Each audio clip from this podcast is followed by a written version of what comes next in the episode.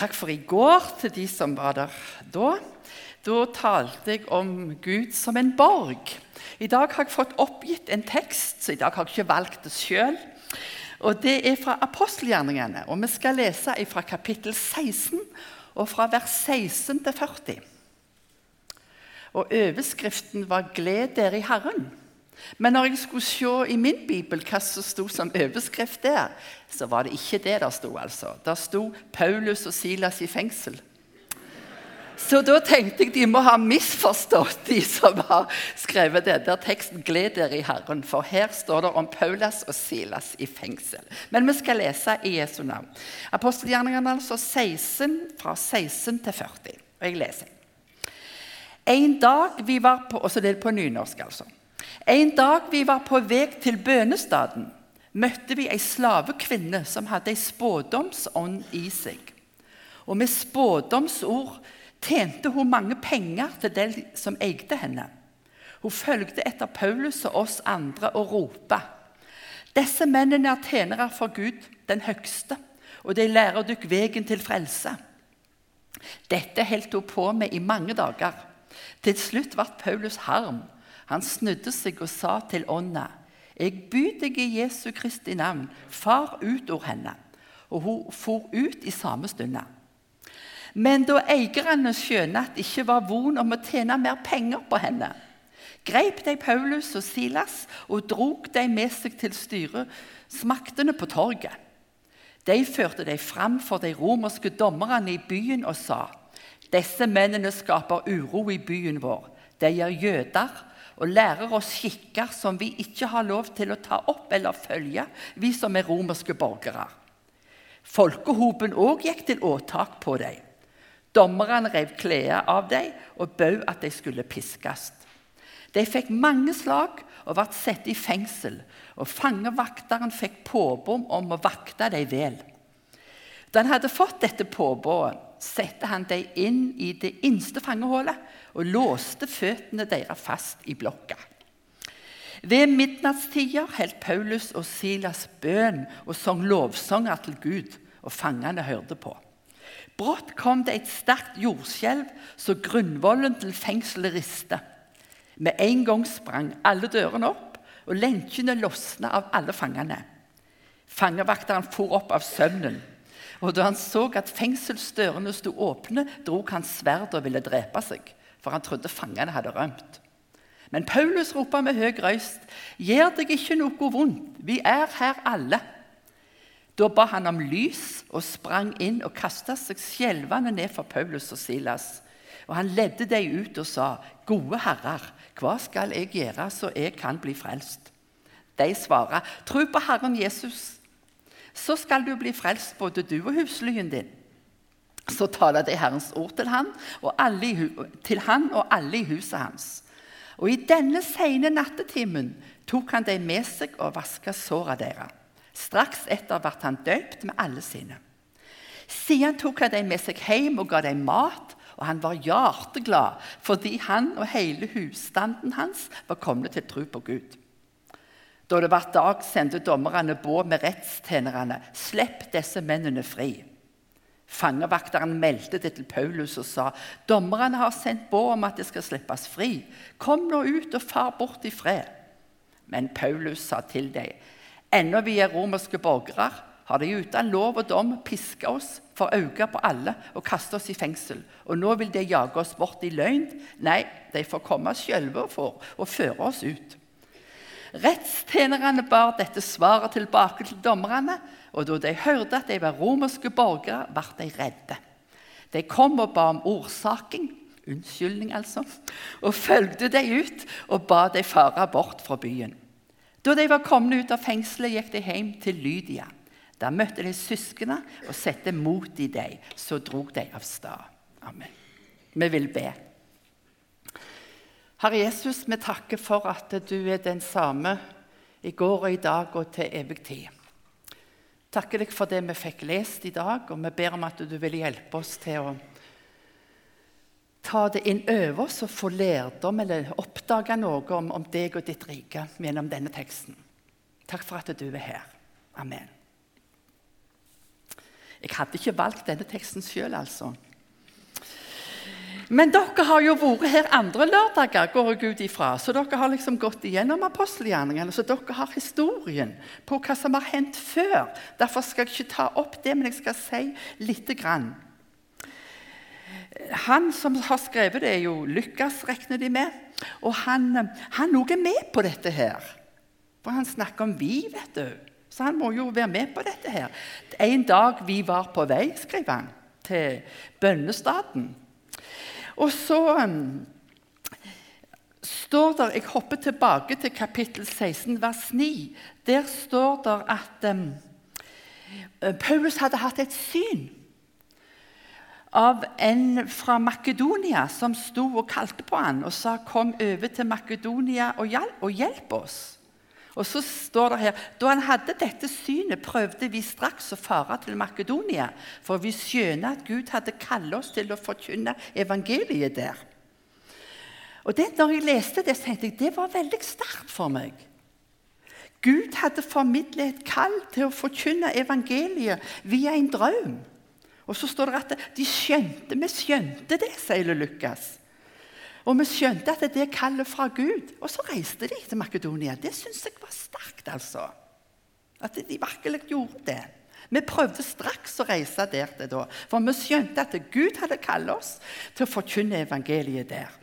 Og så tenker jeg, Gud hadde mange måter å formidle sitt kall på på denne tida, og det har han i dag òg. Det var det første jeg tenkte på.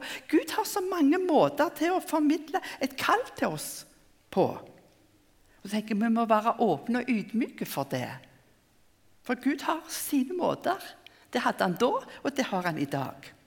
Og Disse tok det til etterretning. og De tar det er fra Gud, og så drog de. Og så opplevde de fine ting. Dere som har vært her før og hørt, dere har hørt om at de kom til Filippi. Der var det ei dame som heter Lydia. Hun eh, solgte purpurtøy, står der. Hun ble en kristen med hele sitt hus. Og da tenker jeg Og hun ble så glad at de fikk bo hos henne. Og da tenker jeg at de var nok kjempeglade for det de hadde fått opplevd. Gud har kalt oss til å reise til Makedonia. Vi reiste, og der møter vi ei dame som blir en kristen, med hele sitt hus. Og De var sikkert kjempeglade og tenkte det var sant, altså. Gud ba oss om dette her. Og vi opplever gode ting og fine ting. Og kanskje de tenkte hva mer kommer til å skje? Kanskje de hadde veldige forventninger nå. Det kommer sikkert til å skje flere gode ting og flotte ting som vi allerede har fått opplevd. Og det der er spennende å, være i det der. Når jeg reiste til Peru for første gang for 40 år siden, eller til Sør-Amerika, så var vi fem stykk. Og vi reiste først til Bolivia og lærte oss spansk. Og så kom det to-tre nye andre misjonærer òg som skulle være sammen med oss. Og så bestemte de en flokk skulle til Peru og en til Bolivia. Det var spennende å følge tre stykk som skulle reise til Peru, til flyplassen i Bolivia, og si adjø til dem og ønske dem lykke til. Og vi hadde sånne forventninger. Husker Vi sto på flyplassen i Cochabamba i, i, Bolivia, i en ring der. og Jeg kan kjenne det ennå. Vi sto og så ba vi til Gud. Og så sa, du, sa de som skulle reise, 'Må du gå med oss', sa de til Gud. Må du gå med oss? Og så hadde vi sånne forventninger. Åh, Mon hva som kommer til å skje i Peru? Og jeg er sikker på at disse hadde det også sånn. Og så kom de, og så hadde de så gode opplevelser. Lydia og hele hennes hus tok imot Jesus. Og de var sikkert nesten ja, kjempeglade. Tenk at vi får lov å være med på dette. Og De kom der til og opplevde fine dager. Og så skjer dette som står her. Og Det er det vi skal se på. Jeg er sikker på at Hvis de hadde vært fra Rogaland, så hadde de sagt 'har vi det ikke gildt'? Ja, men jeg tror det. Ja. Og Vi sa det så mange ganger når vi var i Peru, når vi opplevde at noen tok imot. At, ja, er det ikke kjekt, sa vi. Og så ble vi ja, og takknemlige og forundra. Jeg er sikker på at de hadde det sånn, og de hadde sikkert sånne forventninger. Og det kommer sikkert til å skje mer godt, altså. Vi, jo, vi går jo Guds ærend. Ja, kjempe å være med. Ja, Og så skjer dette her. En dag sier Lukas, var vi på vei til bønnestaden, for det var nærme ei elv. Og Der møtte de står det, ei slavekvinne. står der. Var det ei spådomsånd i seg? Og disse eikene de tjente mange penger på henne. Hun spådde ting, og så kunne de ta penger da når det ble oppfylt. eller... Ja, de var sikkert glad for de ekte hennes, liksom. Og så hun, står der, etter Paulus og de andre skriver Lukas. Altså, så ropte hun disse mennene tjenere for Gud, den høgste, og de lærer dere veien til frelse. Og jeg tenkte ja, men det var vel flott hun gikk rundt og ropte det. Ja, var jo det. Men det står at dette holdt hun på med i mange dager. Og til slutt ble Paulus sint, står der. Han ble forraka, holdt jeg på å si. Harm, står der. Og så tenkte jeg, hvorfor ble han det? Var vel trøttende å ha en hale bak seg som gikk og ropte sånn. Det kan jeg jo forstå. Og så kanskje, ja, kanskje han ble provosert. Det er noen som eier ei dame, og så utnytter de henne. Og så har hun en spådomsånd, og vi skjønner at det, den var ikke fra Gud. Kanskje han syntes synd på henne. Hvorfor skal hun bli så plaget med det? Og hvorfor skal noen tjene penger på henne? Og så står det at han snudde seg og sier til ånden står det, Jeg byr deg i Jesu Kristi navn, far ut og henne. Og så for ånda ut av henne, står det. Det var sikkert kjempegodt for henne. Og Da, det, da ble eierne sinte.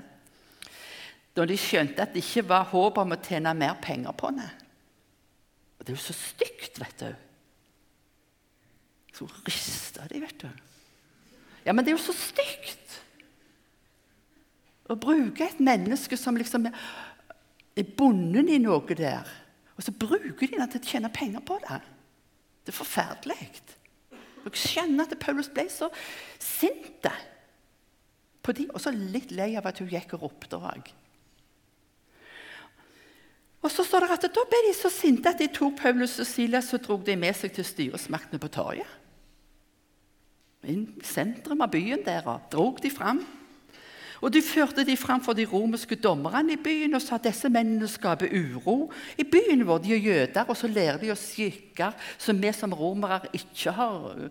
Altså, Vi kan ikke bøye oss for noen gud. Nei. Vi har romerske guder. Og de er så forarga på dem, står det. Og så Folkehopen gikk også til angrep på dem, står det. Og Dommerne rev klærne av dem og bød at de skulle piskes. Og de fikk mange slag, står det, og ble satt i fengsel. Gledeskurven daler vel, tenker jeg. For det. Ja. Hva hadde vi gjort hvis det var meg og deg? Og det står at De fikk mange slag og ble satt i fengsel. og Fangevakteren fikk påbud om å vakte de vel, og han gjorde jobben sin skikkelig. Da han fikk påbud om dette, satte han de inn i det innste fangehullet og låste føttene deres fast i ei blokk.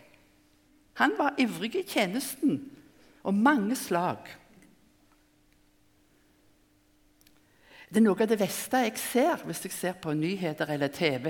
Det er om et eller annet, om noen som er blitt plaga og torturert. Og det er noe av det beste jeg ser. At noen står og slår andre folk. Og tortur av feleste slag. Det er så grusomt. Så når vi leser dette, her, så er det ikke noen sånn solskinnshistorie. Mange slag fikk de, står der. De piska de. Førte de inn i innerste fangehullet. Det var sikkert både rotter og andre ting og låste føttene fast i ei blokk. Og så sitter de der. Guds tjenere som var på oppdrag fra Gud og hadde opplevd store ting. og Gud har sendt oss, vi skal forkynne evangeliet. Vi kom til Europa. Og, ja. og så sitter de der. Hva hadde jeg gjort, mon tro? Det hendte noen ganger i Peru at jeg ble stoppet i noen sånne noen, eh, kontroller langs veien. og sånn, De var gjerne litt halvfulle, de der politimennene. Og sånn. Og de var litt ufordragelige. Og, eller hvis du kom på grensa, tollerne sto Jeg var så forarga på dem mange ganger. Kunne sleie til dem, altså. Ja, ja. For du blir så provosert. Så tenker jeg på disse her to, da. Paulus og Silas. Oppdrag for Herren. Og så havner de inni der, og så sitter de der. Ja, de gjorde ikke som meg, altså. Der står det Ved middagstider holdt Paulus og Silas bønn og sang lovsanger til Gud, står det, og fangene hørte på.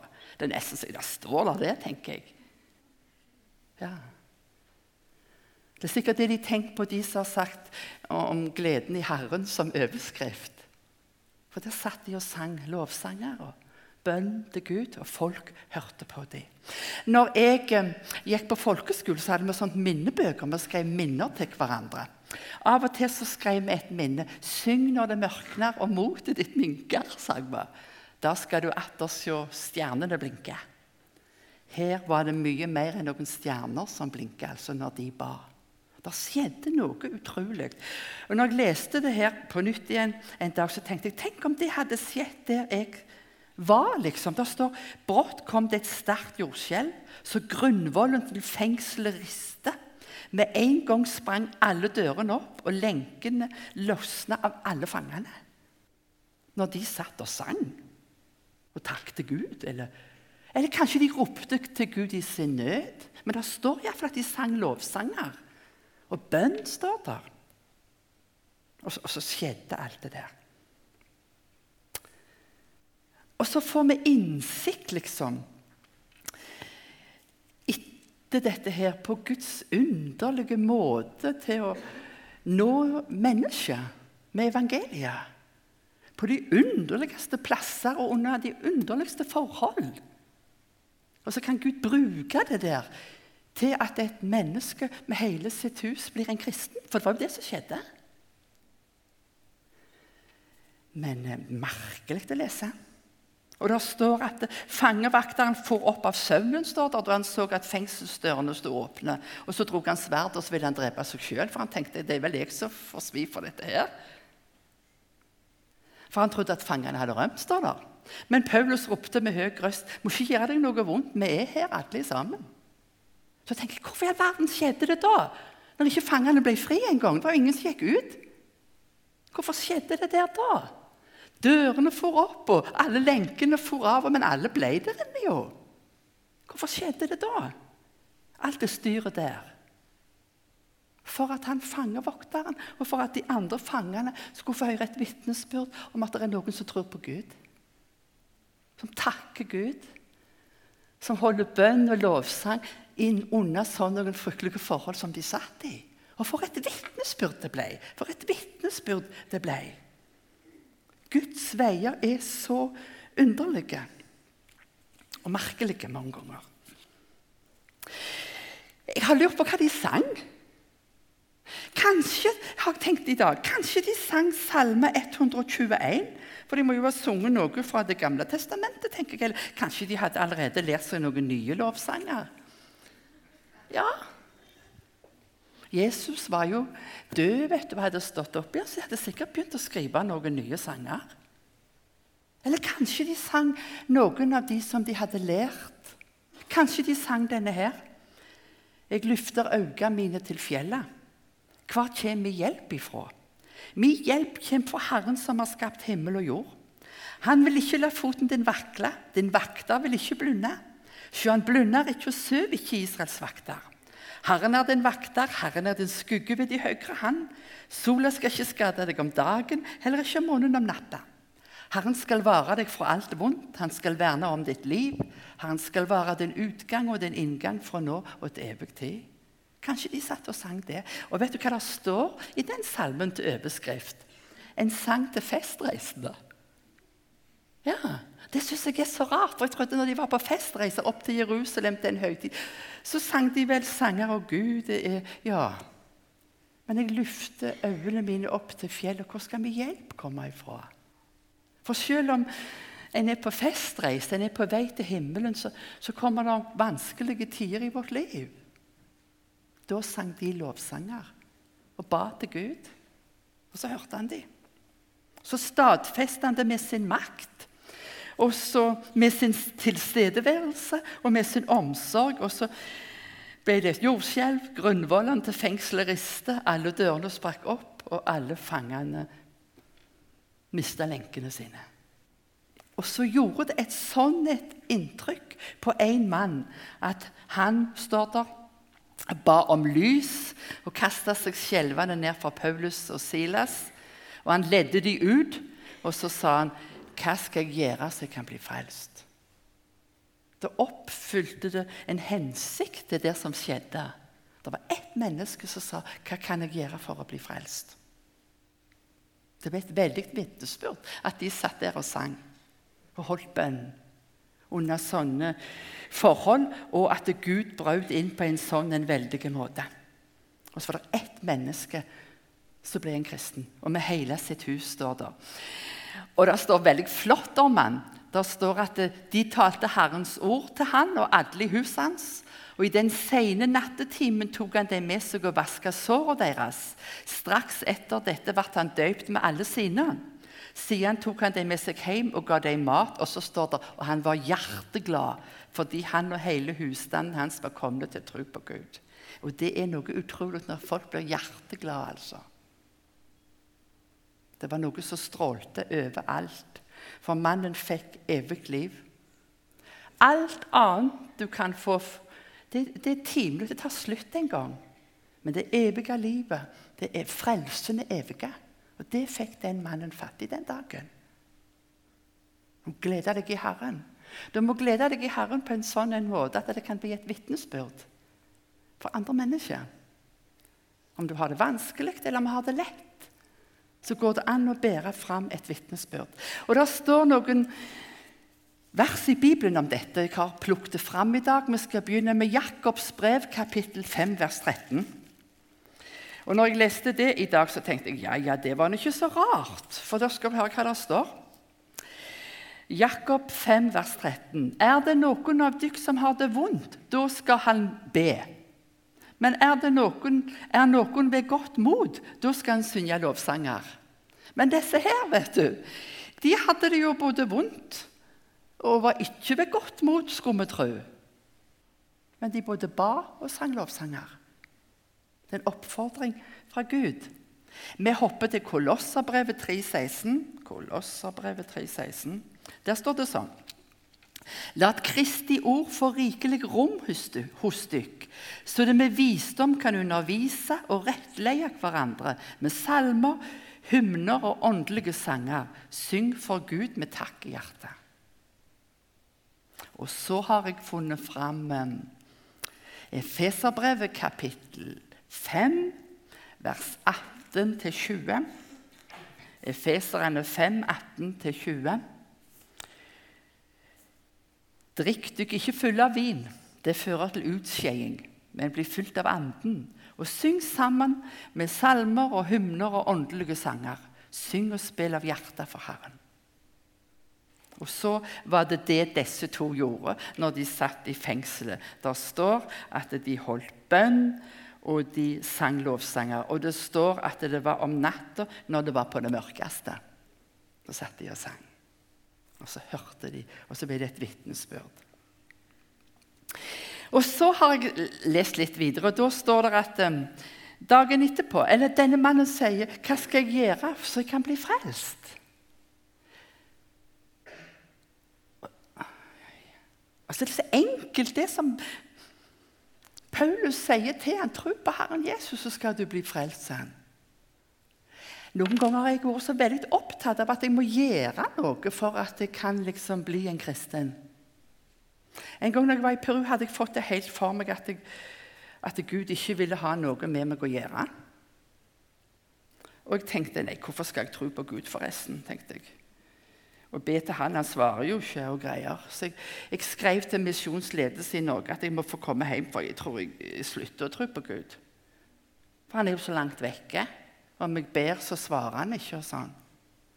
Og Til slutt så begynte jeg å lure på ja, jeg er jeg frelst. Jeg er en kristen. Så begynte jeg å granske i meg sjøl. Nei, jeg gjør sånn og ikke sånn. Og det var grusomt. Det var som jeg gikk på ei sånn øde øy, sånn som man sitter i Donald, vet du, sånn som her, med en palme. Og så gikk jeg rundt. Og så tenkte jeg, og så tenkte jeg akkurat sånn Hva skal jeg gjøre? Så jeg så jeg kan bli frelst liksom, og være sikker på at jeg gikk rundt og rundt. Og rundt, og det gikk aldri opp. Lys gikk aldri opp for meg. Samme hvor mye jeg grubla og tenkte. For jeg tenkte sikkert jeg må gjøre noe.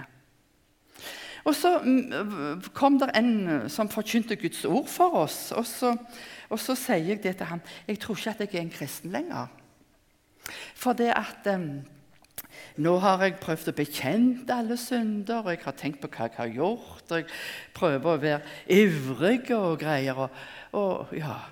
og til slutt så sier jeg, vet du Hva mer må jeg gjøre? Jeg må nesten forarga på Gud. altså. Hva mer må jeg gjøre?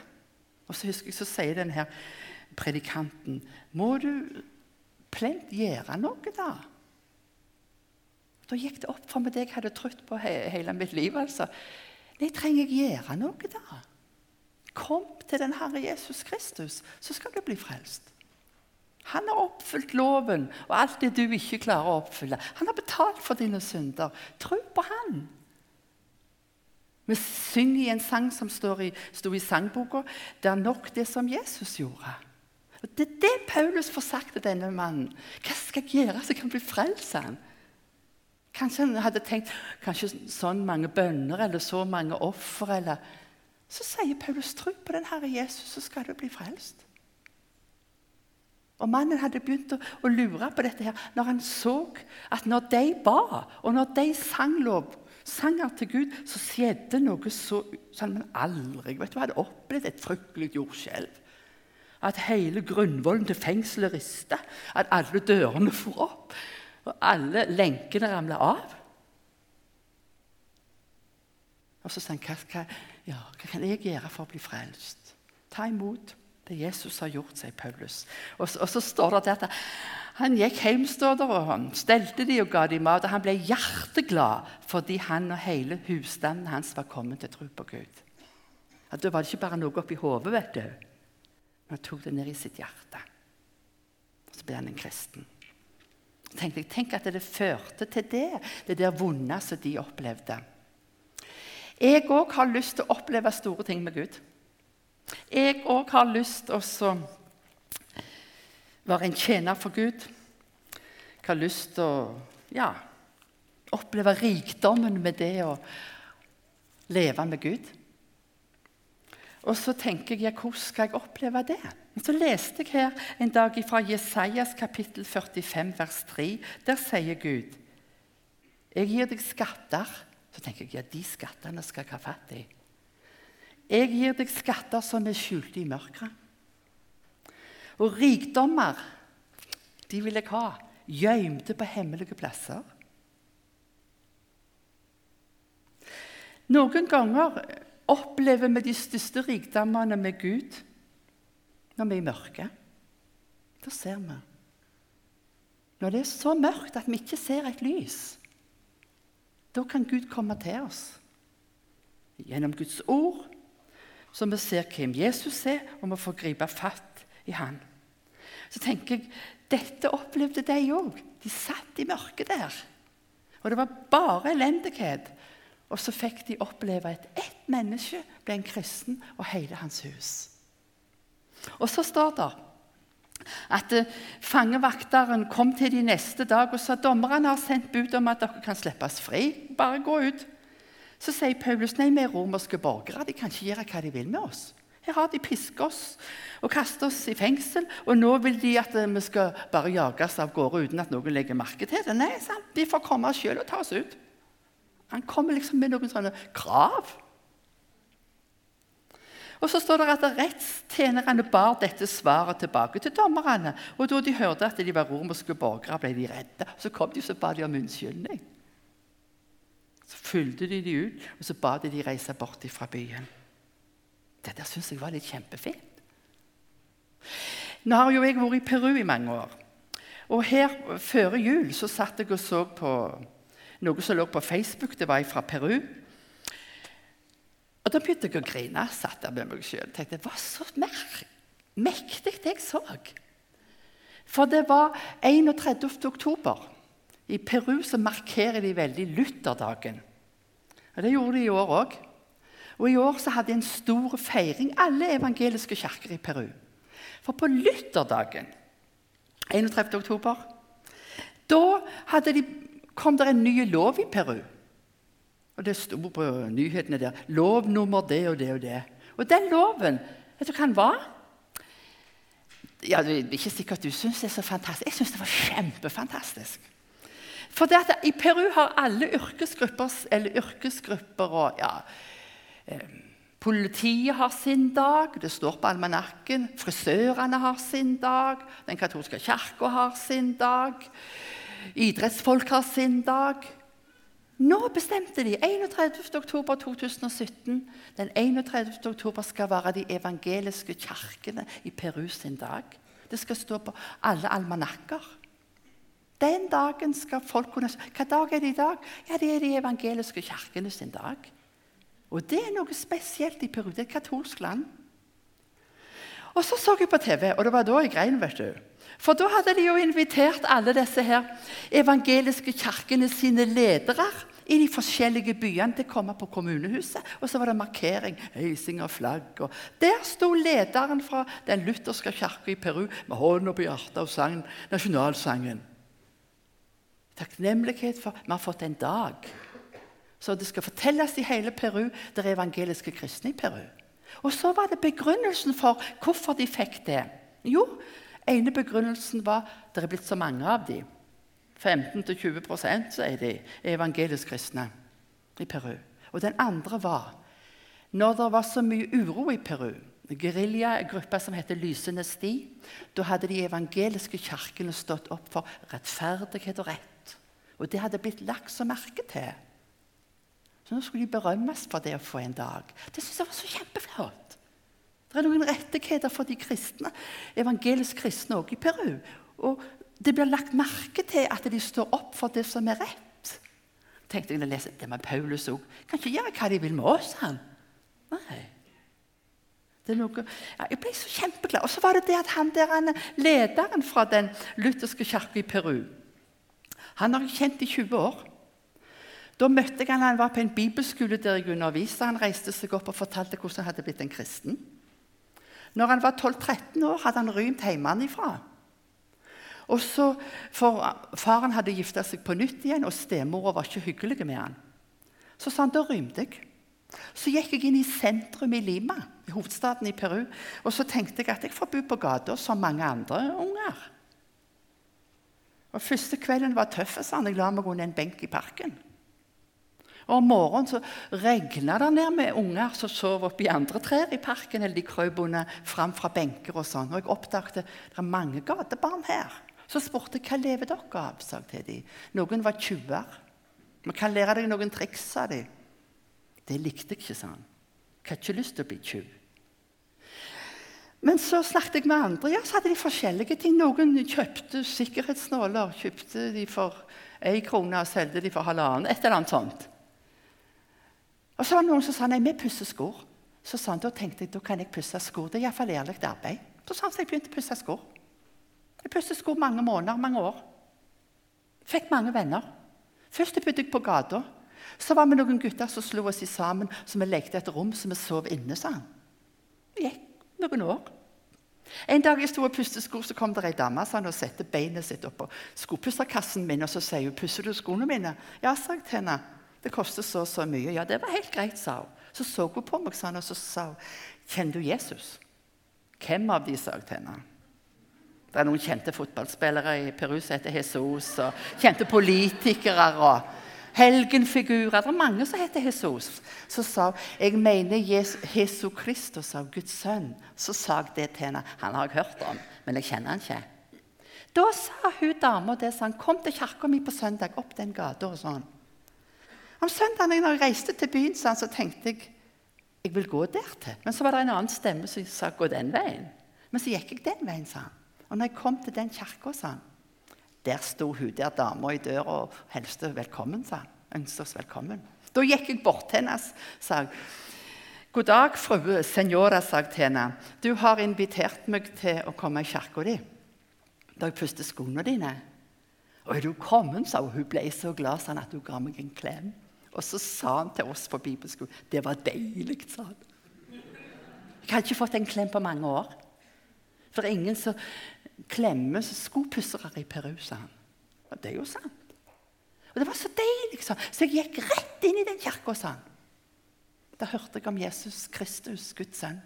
Jeg hadde hørt om han før, sa han, men nå skjønte jeg han er min frelser. Ble en kristen, sa han. Og nå, sa han, når han reiste fra bibelskolen, nå vil jeg så gjerne bli menneskefisker. sa han. Da gikk jeg og kjøpte meg en skopusserkasse som jeg skrev navnet hans på. Milton het den. Den hadde jeg med meg hjem til Peru for 20 år siden. Hver gang jeg har pusset skoene, så har jeg bitt for Milton om at han måtte bli menneskefisker. Så grein jeg 31. oktober, for da så jeg han på TV som leder for den lutherske kirka i Peru. Vi har fått vår dag. Har fått vår dag. For det var ei dame som han pusset skoene til, som spurte kjenner du Jesus. Kom i kirka mi, så skal du bli kjent med ham. Hva skal jeg gjøre så jeg blir frelst? Tro på Jesus, så skal du bli frelst. Det er så sterkt. Og så står det her om Paulus og de. Da de var kommet ut av fengselet, gikk de hjem til Lydia. Var jo der de bodde. vet du. Der møtte de søsknene, og så satte de imot i de, står det. Så fortalte de hva de hadde opplevd. De var ufysende med oss, og de ja, slo oss, og vi havna i fengsel. og så ropte vi til Gud, og så sang vi lovsanger. Så minte vi hverandre om hvem Gud er. Så skjedde det noe veldig. Og Det var så veldig det som skjedde, at det var en som kom, fangevokteren, og sa hvordan kan jeg bli frelst og tro på dere, Gud? Og Så fikk vi vitne for ham. Så ble han en kristen. Så setter han mot i de andre. Så tenker jeg du må aldri slutte å vitne om det du har opplevd med Gud. For det er veldig sterkt det, å høre personlige vitnesbyrd. Vi kan lese mange ord i Bibelen, og jeg er ivrig på å dele Guds ord. det som står. Men det er noe veldig med noen vitnesbyrd fra levende mennesker som sier men jeg har møtt Jesus. Så du må aldri slutte med å vitne om hva du har opplevd med ham. Det gjorde de, står der. Og da satte de mot i de andre, og så dro de videre. Herre Jesus, det vil jeg takke deg for at du lever i dag. Takk for alt det som du har gjort i våre liv. Du har frelst oss. og så har vi så mange av oss opplevd så mange ting sammen med deg. Og så ber vi Jesus om at vi måtte være ivrige vitner til å fortelle dette. Og når vi er inne i vanskelige tider, at vi kunne øh, få si at vi har sett vår tillit til deg. Og takk for at du hører og ser. Takk for det sterke vitnesbyrdet som Paulus og Silas fikk gi. Og takker deg for, for denne fangevokteren som ble hjerteglad. Og Vi ber Jesus at vi òg kunne få lov å, å, være med og formidle ordet om deg, sånn at det var mennesker som ble hjerteglade. Jeg har lyst til å be for Peru i dag, for Milton. Herre Jesus, vil du velsigne han og de andre pastorene rundt omkring i de evangeliske kirkene i Peru. La de få synge om deg. La de få vitne om deg. Vi ber om at eh, nye mennesker òg i Peru må bli lagde til din, din, forsamling og din menighet. Og så ber vi for oss, Jesus, at du ville varme våre hjerter og styrke vår tro på deg. Så vi kunne være ivrige til å synge lovsanger om hva du har gjort for oss, og hvem du er. Amen.